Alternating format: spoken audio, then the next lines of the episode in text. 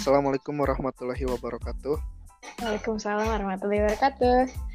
Di ngobrol kali ini pembukaannya gak bakal semeriah mungkin, gak bakal uh, banyak apa edit-editan, ya sederhana aja.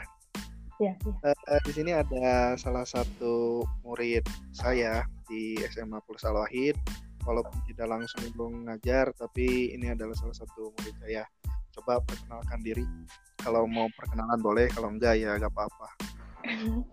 Halo, nama aku Fatin Karimatunisa. Aku dari kelas 11 IPA. Kebetulan uh, aku juga emang aku emang nggak diajar, nggak belajar sama Pak Lutfi, tapi kita pernah satu organisasi gitu. Jadi Pak Lutfi pembinanya, aku anggota aja.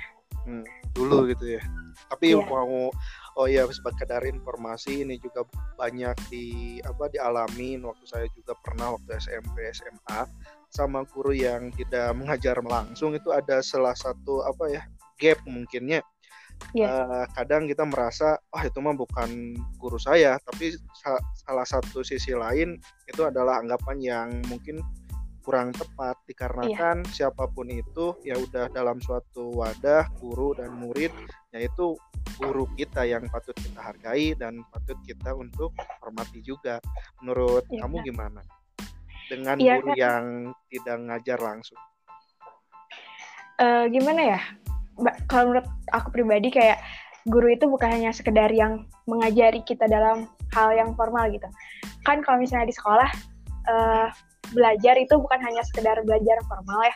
Jadi ketika kita ada dalam satu wadah eh, yang dinamakan misalnya sekolah, otomatis di sana ada ada murid, ada guru meskipun gurunya itu bukan yang apa yang mengajari kita, tapi gurunya yang sekedar eh, yang yang benar-benar mendidik gitu. Kayak mendidik itu banyak.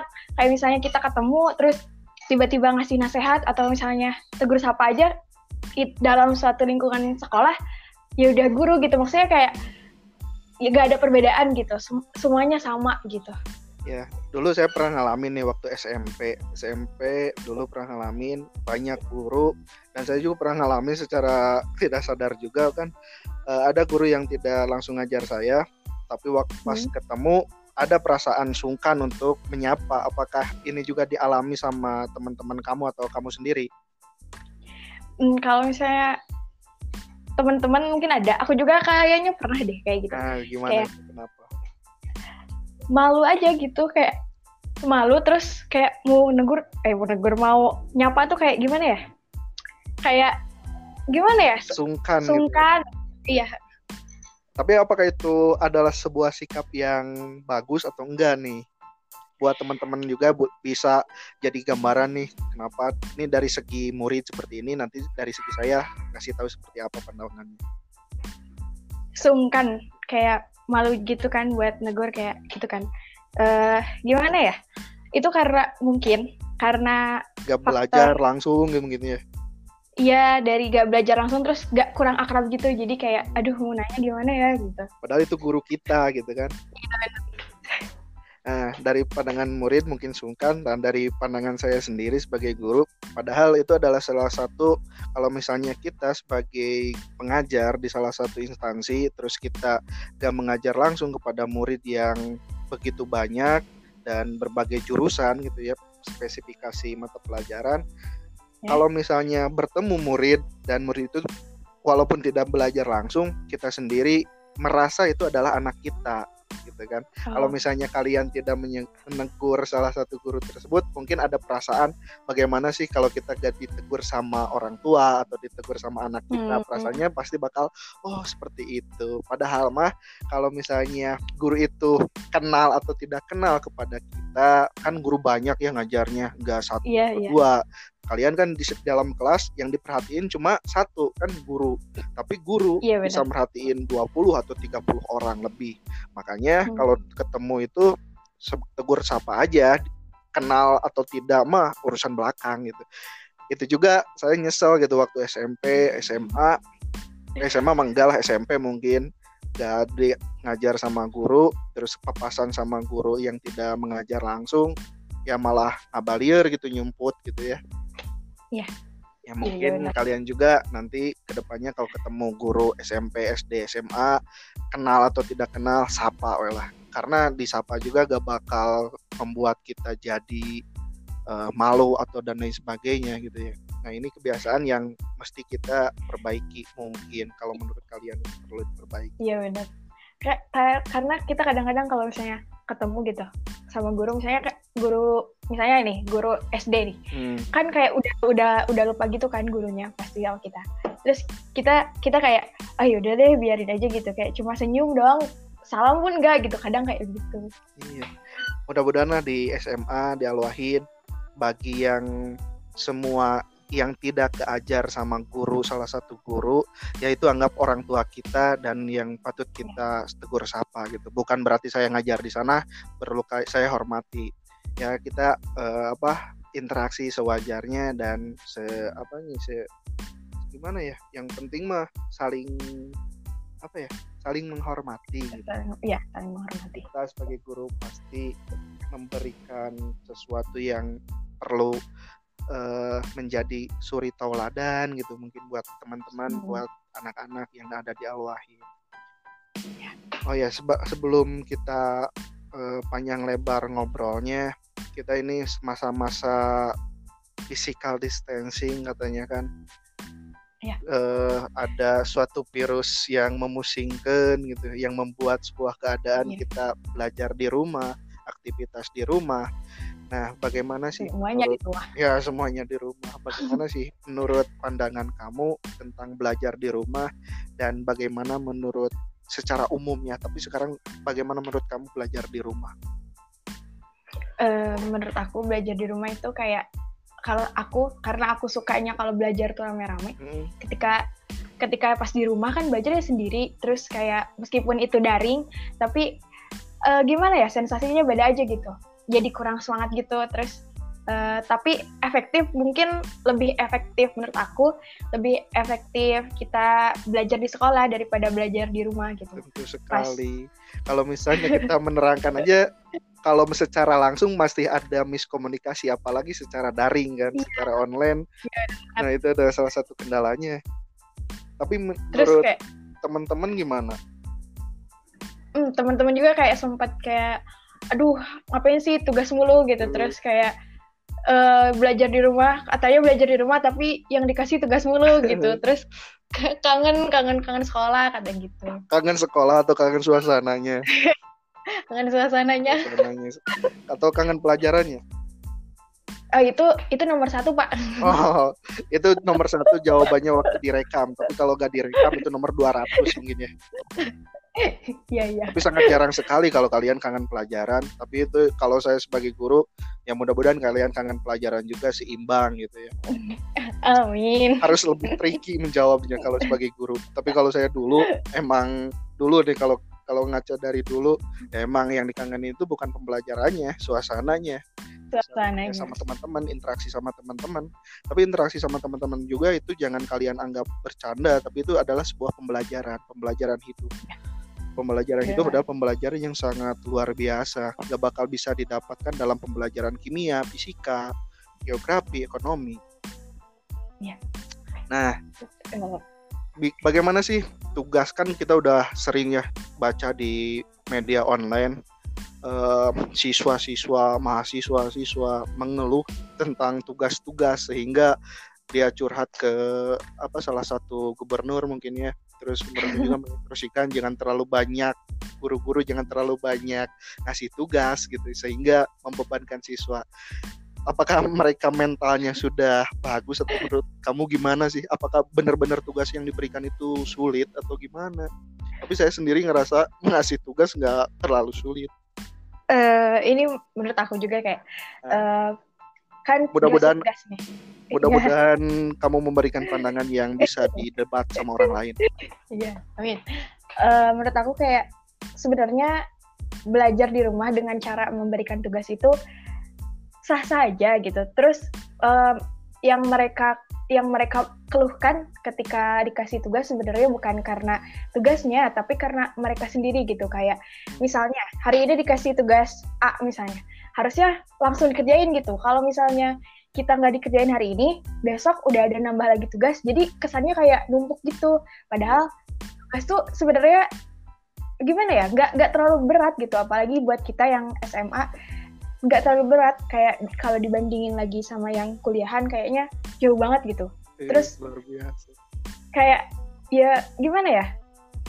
Karena karena ditunda terus, jadi tugas itu terasa berat gitu. Tapi kalau kita ngejalaninnya kayak enjoy terus ngerjainnya satu-satu gitu secara ikhlas insya Allah gitu bakalan bakalan nggak kerasa banget berat tugasnya itu. Nah, dengerin teman-teman katanya kata Patin, tugas yang diberikan itu nggak terlalu berat katanya kalau kita dicicil.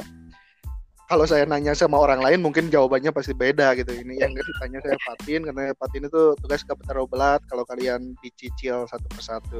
Tapi banyak banyak yang nerima tugas, aduh gak ngerti nih, gak ngerti gimana menurut kamu? ya kalau kita Apakah yang gak ngertinya itu yang ngasih tugas atau yang mengerjakan tugas gitu?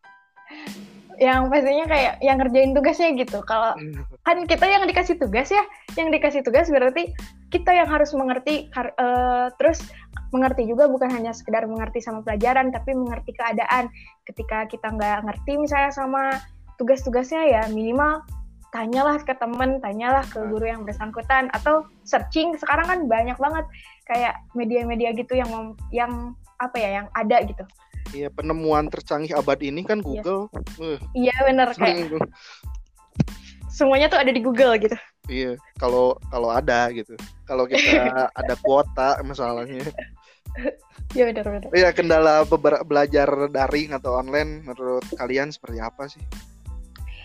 Eh, kalau menurut aku karena aku gimana ya main handphonenya tuh gimana ya nggak nggak 24 jam pegang Ya handphone mau jadi lah, mau 24 jam. jadi kayak misalnya kayak nah kan sekarang ada kelas Ramadan nih Hmm. ada jam 10 nih kadang-kadang ja- kadang-kadang jam segitu kadang-kadang belum bangun kadang-kadang kadang-kadang belum siap nggak ada kuota gitu itu sih kendala terbesarnya tuh nggak ada kuota sebenarnya Wahai manusia kebluk jam 10 belum bangun. Lihat tips dari saya, sehabis sahur itu kalian jangan langsung tidur, makan secukupnya dan rajin berolahraga, insya Allah puasanya gak bakal loyo-loyo. Kalau misalnya kita beranggapan olahraga akan membuat haus, emang benar membuat haus. Jangankan waktu puasa ya, waktu kegiatan sehari-hari aja bahwa membuat haus. Kalau misalnya kita berolahraga, tip berolahraga waktu bulan puasa itu kurangi intensitasnya dari biasanya kita melakukan sebuah aktivitas fisik. Nah, jika kalian haus, tekuat-kuat ting menyanginum we lah. Oh, gitu. emang kalau olahraga tuh pak pas bulan puasa baiknya tuh pas pas emang kayak biasanya atau misalnya kayak pagi-pagi atau aku Ya, biasanya itu ini habis taraweh nih, paling enak itu pagi-pagi, habis subuh, habis ngaji dan lain Oh. sebagainya. Nanti habis sore mau menjelang buka kalian habis ngaji, olahraga gitu. Atau haus misalnya atau pak ya pastilah. Kan bulan puasa aja haus, yang namanya olahraga haus. Tapi itu bakal membuat tubuh kalian sehat. Tapi jangan dipaksakan. Biasa, biasanya kalian olahraga 5 menit, waktu kegiatan biasa ya jadi dua menit setengah atau tiga menit, ya itu lumayan. Iya. Kan misalnya makan sahur tuh, makan sahur di dalam tubuh nimbun lemak dan lain sebagainya itu kan? Itu lemak harus dikeluarkan, Keluarkan. dibentuk sebagai jadi energi kan. Oh, ya kendala kendala tadi pembelajaran daring daring daring dari sebelum apa dari telat bangun dan lain sebagainya. Kendala sekarang. Yang lain kendala sekarang kendala yang lainnya gitu? Selain nggak ada kuota gitu. Eh gimana ya? Apa ya paling kayak males doang sih kayak males misalnya nih. Aku pernah ngalamin kayak eh, tahu ada kelas nanti gitu. Tapi males gitu. Jadi kayak yaudahlah alasan alasan nyari alasan yang lain gitu. Menyibukkan diri sendiri gitu. Biar nggak jadi me- nggak megang handphone. Jadi yang males tuh kamu aja atau anak-anak yang lain menurut kamu? Ya pastinya kebanyakan gitu. Malas berarti jadi anak-anak nggak yang lain juga males gitu ya? Iya. Oh, kayaknya. eh anak-anak kalian males kata si Patin nih. Terus kan kalau misalnya kalau eh, disatuin nih kelas Ramadan tuh disatuin kan. Hmm. pusing pak kayak pusing ini tuh yang ini ngomong ini yang ini ngomong ini yang ini ngomong itu. Terus nggak kalau misalnya nggak satu kelas satu kelas tuh menurut aku kayak tiba aja pakai ciwe. Ya nikmati aja lah nikmati prosesnya. Dan karena kita situasi seperti ini bukan kita yang mau alam yang mau dan ya kita tetap enjoy aja lah jangan banyak iya. malas kata Patin juga kan anak-anak sekarang banyak malas biar nanti yeah. pada hujat kamu maaf maaf nah, gitu. uh, kita semester ini berhenti di bulan apa ya bulan Maret ya mungkin bulan Maret hampir udah mau dua bulan kita melakukan hmm. apa social distancing atau physical distancing diam di rumah nih bagaimana pendapat kamu tentang masa-masa diam di rumah ini apakah menurut kamu anak-anak SMA seusia kamu itu pada diam di rumah atau masih keluyuran? Uh, mungkin rata-rata diam di rumah, tapi kan namanya juga rata-rata, jadi kayak ada gitu sebagian kecilnya yang mungkin udah masih masih melanggar aturan-aturan gitu, masih keluar, terus masih ngabuburit bahkan hmm. masih naik motor gitu, terus gak pakai masker, gitu-gitu kayak masih melanggar masih banyak juga. Naik motor gak pakai masker? Kan sekarang saya harus keluar nih, ya harus pakai masker ya. Harus pakai masker gitu. Terus udah mah naik motor keluar udah mau keluar terus nggak pakai masker lah hmm. gitu. Tapi men masih mending nggak pakai masker daripada naik motor nggak pakai motor. Lucu sih lucu. Iya. Ya udah. Uh, terus ada lagi ditanya ini yang dikangenin dari sekolah apa? Atau mau uh, salam-salam ke kelas IPA gitu? Kayak ya gitu kan. oh iya si Sadik udah pulang. Sadik kangen ada sih. di Yonasigra iya nggak pulang. Hmm. kangen kayak cuma kangen apa ya? Yang pastinya kangen situasi sekolahnya gitu kayak hmm. uh, pas kita lagi jam kos sebenarnya nggak kangen banget sama pelajarannya aduh sesein kepala sekolah katanya anak-anak gak kangen pelajarannya kangen sensasi belajar di sekolah, ya, kangen suasana. Itu. Di ya, sekolah itu aja sih. Suasana nongkrong sama teman-teman, ngobrol yeah. sama teman-teman gitu ya. Waktu belajar yeah. tidur, wah itu bahaya. Jangan aku sih. gitu. Uh, kangen kegiatan OSIS nggak? Hmm, kangen. Juga gitu. Kayak, kangen. Kangen kayak uh, yang ngobrol kan kita kalau misalnya OSIS tuh sering ada waktu kayak istirahatnya kan hmm. apalagi kalau bekerja sama dengan eh selalu bekerja sama sih dengan sekolah maksudnya kayak dikasih mie ayam gitu pas lagi istirahat lagi lapar-laparnya dikasih mie ayam terus ngobrol ketawa-ketawa kangen sih gitu gitu yang dikangen oh iya uh, dalam pembelajaran juga kan uh, sebuah interaksi atau komunikasi murid dengan guru itu adalah sebuah salah satu uh, penunjang atau salah satu kiat untuk kita lancar dalam belajar.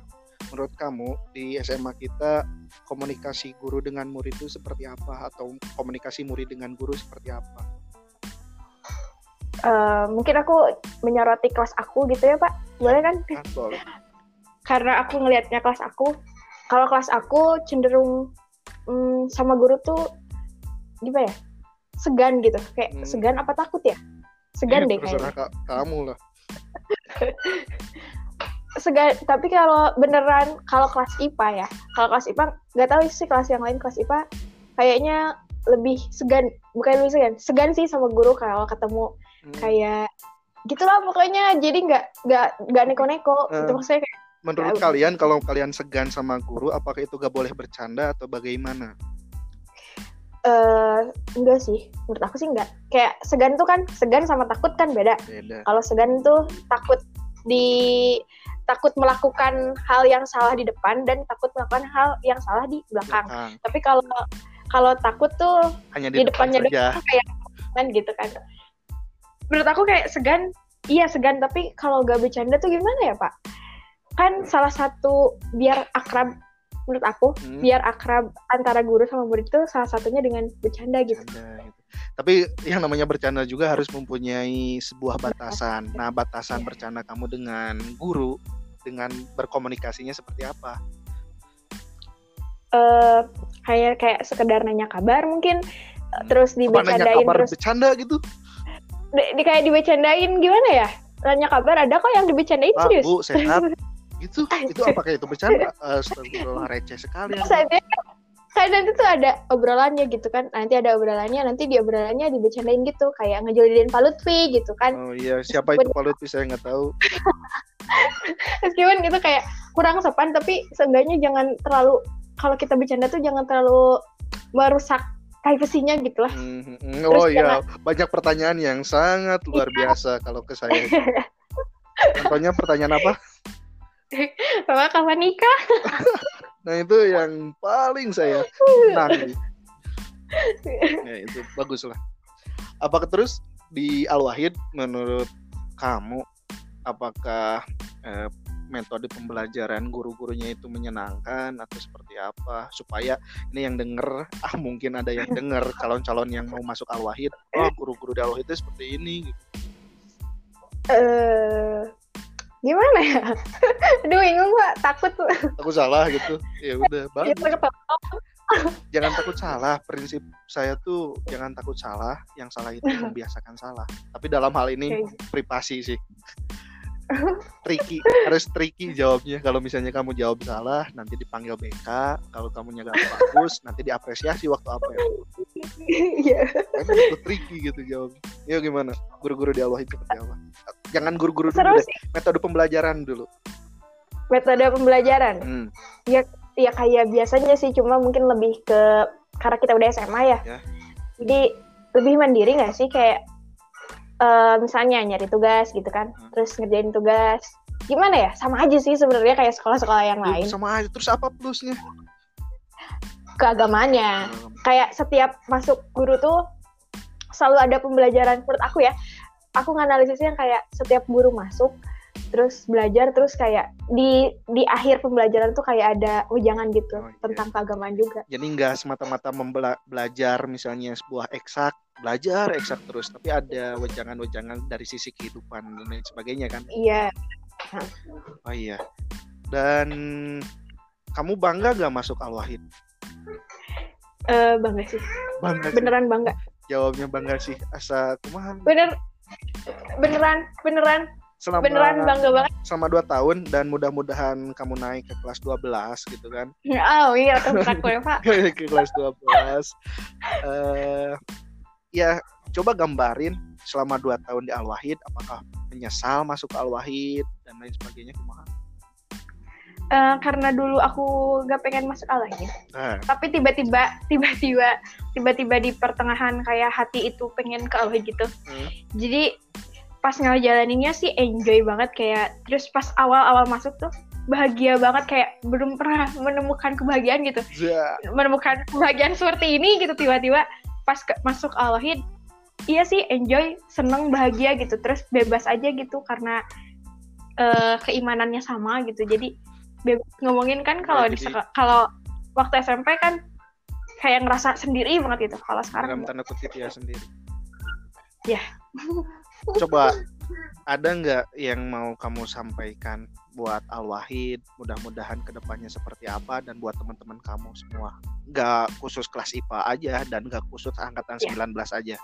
Al Wahid sekarang yang mau masuk ini luar biasa mau angkatan 21 udah nyampe puluhan gitu. Dan kebetulan saya juga angkatan 20 lah saya mau baru masuk dan eh baru kelas 2 gitu. Gak beda jauh lah sama kalian. Uh, apa ya? Mungkin pesan apa ya pesannya ya pak? Hmm, pesan ini? hmm, iya. Kesan dan pesan Jangan... lah. Kesan dulu deh. Kesan ya, dulu. ya kesan. Kesannya kayak aku selama dua tahun di Alhid tidak merasa menyesal sama sekali. Um, meskipun ada teman-teman aku yang ngerasa ah nyesel banget masuk Alhid gitu kan. Tapi sebenarnya kalau kitanya enjoy kitanya fokus kitanya ikhlas kitanya bisa pasti kita bisa gitu sampai ke titik kelas 3 akhir bahkan kita bah bisa apa ya lulus amin. itu amin itu bakalan menyenangkan buat kita terus kitanya juga ngerasa bahagia pokoknya bakalan ada deh feel itu yeah. terus masuk al itu menurut aku gak bakalan uh, feelnya tuh beda aja gitu sama masuk sekolah-sekolah yang lain apalagi kan ini uh, sekolah sekolah jemaat ya yeah. maksudnya kayak ketika kita mencari sebuah keberkatan sekolah ya di sini gitu jawabannya terus jangan semua buat semua teman-teman jangan pernah minder. Kita emang sekolahnya kecil tapi aku yakin gitu ketika kita semua punya mimpi dan kita mau berusaha dan kita berada di Al-Wahid gitu meskipun meskipun di mana pun itu tapi ini ada nilai plusnya. Ketika kita di Al-Wahid punya mimpi terus kita mau berusaha berdoa uh, insya Allah semuanya bakalan bisa gitu. So, uh, uh, semua bakalan bisa kita capai. Luar biasa. Meskipun kita sekolah kecil tapi kita bisa bersaing dengan sekolah-sekolah yang luar biasa. Siapa besar. sekolah Al-Wahid kecil? Uh, sisi ininya sisi apa ya? sisi dalam tanda kutip gitu ya. Iya. Kemarin mm, seumur jagung murid. gitu. Mm jagung ayah ayah jagung anu 20 juta tahun nggak ada lah. Ada pesannya gimana pesannya pesannya ya itu jangan jangan minder terus semangat. Oh tadi uh, langsungin pesan dan kesannya iya. gitu. Kesan kesan langsungin tadi. Uh, kebetulan ini saya wali kelas kelas 11 IPS untuk sekarang gitu BHCI ada yang mau kamu sampaikan ke, ke kelas BHCI oh nggak ada. Ke IPS nih ya udah iya pak ya. Apa ya? Kelas IPS yaudah semangat teman-teman. Nanti kalau misalnya apa ya? Jangan gimana ya aku aku paling jujur aku paling mengapresiasi pada kelas IPS karena kelas IPS itu kayak kayak yang mempersatu gitu, yang mempersatu gitu sedangkan yang lainnya kayak cuek banget gitu. Terus kelas IPS tuh kayak gitu ya. yang kayak gitu. Siapa? Jadi panutan lah dulu, buat kekompakannya. kelas nah. ya untuk kelas angkatan siapa oh, dulu? Iya. untuk kelas IPS katanya kata teman kalian ini kompak katanya ya. Ya. Dan untuk uh, wali kelasnya ada yang mau kamu tilai atau enggak gitu. Apa ya pak? Semangat pak. Bentar lagi. Semangat. ini pelanggaran kalau off record saya udah keluar kata-kata mutiara. Itu karena kan di record eh, ditahan gitu ada remnya uh, ya udah Zakumullah ya udah kita udah ngobrol-ngobrol bareng tentang kondisi saat ini dan mungkin lebih tepatnya kepada kondisi di SMA kita yang tercinta dalam tanda kutip juga lah. Yeah. Mudah-mudahan kita semua selalu ada dalam lindungan Allah Subhanahu wa taala dan doa yang tidak luput dari kita semua. Mudah-mudahan semesta kembali normal dan kita kembali beraktivitas Amin. seperti kalian. Rata-rata banyak orang, banyak teman-teman kalian yang saya tanya yang dikangenin apa? Ya suasananya, bukan belajarnya. Itu salah sekali gitu. Suasana dengan belajar ya itu sama-sama gitu. Jadi harus seimbang, harus harus seimbang. Kalau misalnya tidak seimbang nanti berat sebelah gitu ya kalau berat sebelah kan yeah. nanti kalian jalan deng-deng kan tuh enak ditingali. Mudah-mudahan normal lagi. Satu kata untuk uh, closing statement atau dua kata tiga kata ada nggak? Apa ya? Semangat semangat nah. semangat. Kayak ini tuh berat banget jadi semangat semangat semangat gitu oh ya kalau dengar kata tiga kata ini saya dia diinget dulu waktu jadi pembina kalian. Saya pengen satu kata itu ya. Kalau saya bilang osis alwahid pasti bisa pasti bisa pasti ah, bisa. launan ciri pisan ya? Puasana kali lagi ya. Hmm. dari denger semangat semangat semangat jadi ingat itu. Dengan penuh semangat dan tidak menunjukkan bahwa lagi puasa gitu lemas. Osis alwahid pasti bisa pasti bisa pasti bisa. ya, ya jazakumullah. Assalamualaikum warahmatullahi wabarakatuh